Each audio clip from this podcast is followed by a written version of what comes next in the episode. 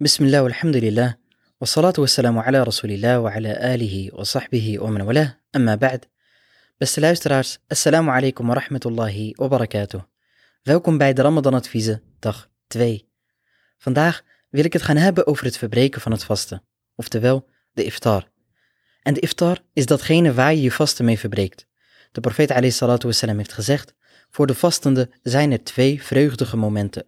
Wanneer hij zijn vasten verbreekt en wanneer hij zijn Heer zal ontmoeten. Het eerste vreugdige moment is dus wanneer je weer mag eten. En deze blijdschap komt voort uit het feit dat jij deze aanbidding hebt voltooid. Je bent Allah tabarak dankbaar dat hij het succes heeft gegeven om een aanbidding te doen die zeer geliefd bij hem is. Het is de voldoening die je hebt na het behalen van een taak. Dus er is ook geen reden voor een schuldgevoel op het moment dat je blij bent dat je je vasten weer mag verbreken. En in een authentieke hadith heeft de profeet wassalam, gezegd, de mensen zullen zich op het goede bevinden zolang zij zich haasten naar de iftar. Deze hadith leert ons dat het aanbevolen is om zo snel mogelijk je vasten te verbreken. Een goede vraag is, maar waarom is dat zo goed? Nou, dat komt omdat wanneer men het vasten meteen verbreekt als het tijd is, zij geen ruimte laten voor de influisteringen van de shaitaan. Want de shaitaan is altijd bezig de mens op alle fronten onzeker te maken. En op de eerste plek over hun aanbidding. Dus de shaitaan komt tot de mens en probeert in te fluisteren dat je nog even moet wachten. Weet je wel zeker dat het maghrib is? Je kan toch vijf minuten wachten voor de zekerheid? Allerlei influisteringen alleen om jou onzeker te maken. Want zoals we wel weten, hij doet zich altijd voor als een adviseur die het goede voor je wilt. Dus je krijgt het gevoel, ik heb de hele dag gevast.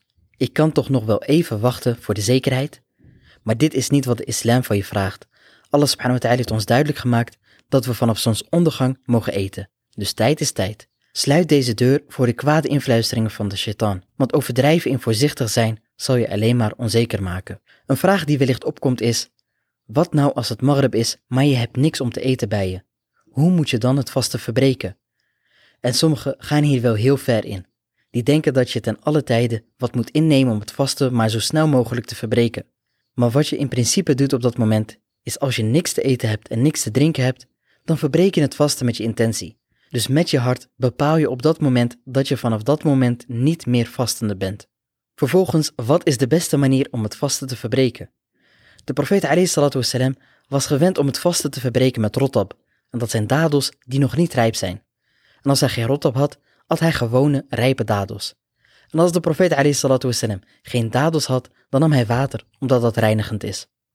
Het laatste punt waar ik nog even aandacht aan wil schenken vandaag, is een situatie die in sommige huishouden nog wel eens tot onderling irritaties kan leiden. Wat moet je nu eerst het vaste verbreken en meteen gaan bidden, of mag je eerst uitgebreid gaan eten en dan bidden? Voor wie naar de moskee gaan, lijkt het me duidelijk. Je verbreekt het vaste en gaat richting de moskee en maakt het eten daarna pas af. Voor wie niet in de moskee kan bidden, je mag in principe rustig gaan eten en dan bidden. Maar let wel op, hoe vaak komt het wel niet voor dat men uitgebreid gaat eten en vervolgens lui wordt waardoor men met moeite opstaat en vervolgens ook lui in het gebed staat. De profeet sallallahu alayhi wasallam heeft ons als gouden advies gegeven dat men alleen zou moeten eten dat wat hem te been houdt. En wie dat niet kan, dient een derde voor voedsel te laten, een derde voor vloeistof en een derde voor lucht. Dus laten we onszelf afvragen, hoeveel ruimte laat ik nu eigenlijk over voor lucht? Mogen alles subhanahu wa ta'ala onze gebeden verhoren en ons vast te accepteren. Wa sallallahu wa sallam wa barak ala nabina Muhammad. وعلى آله وصحبه أجمعين.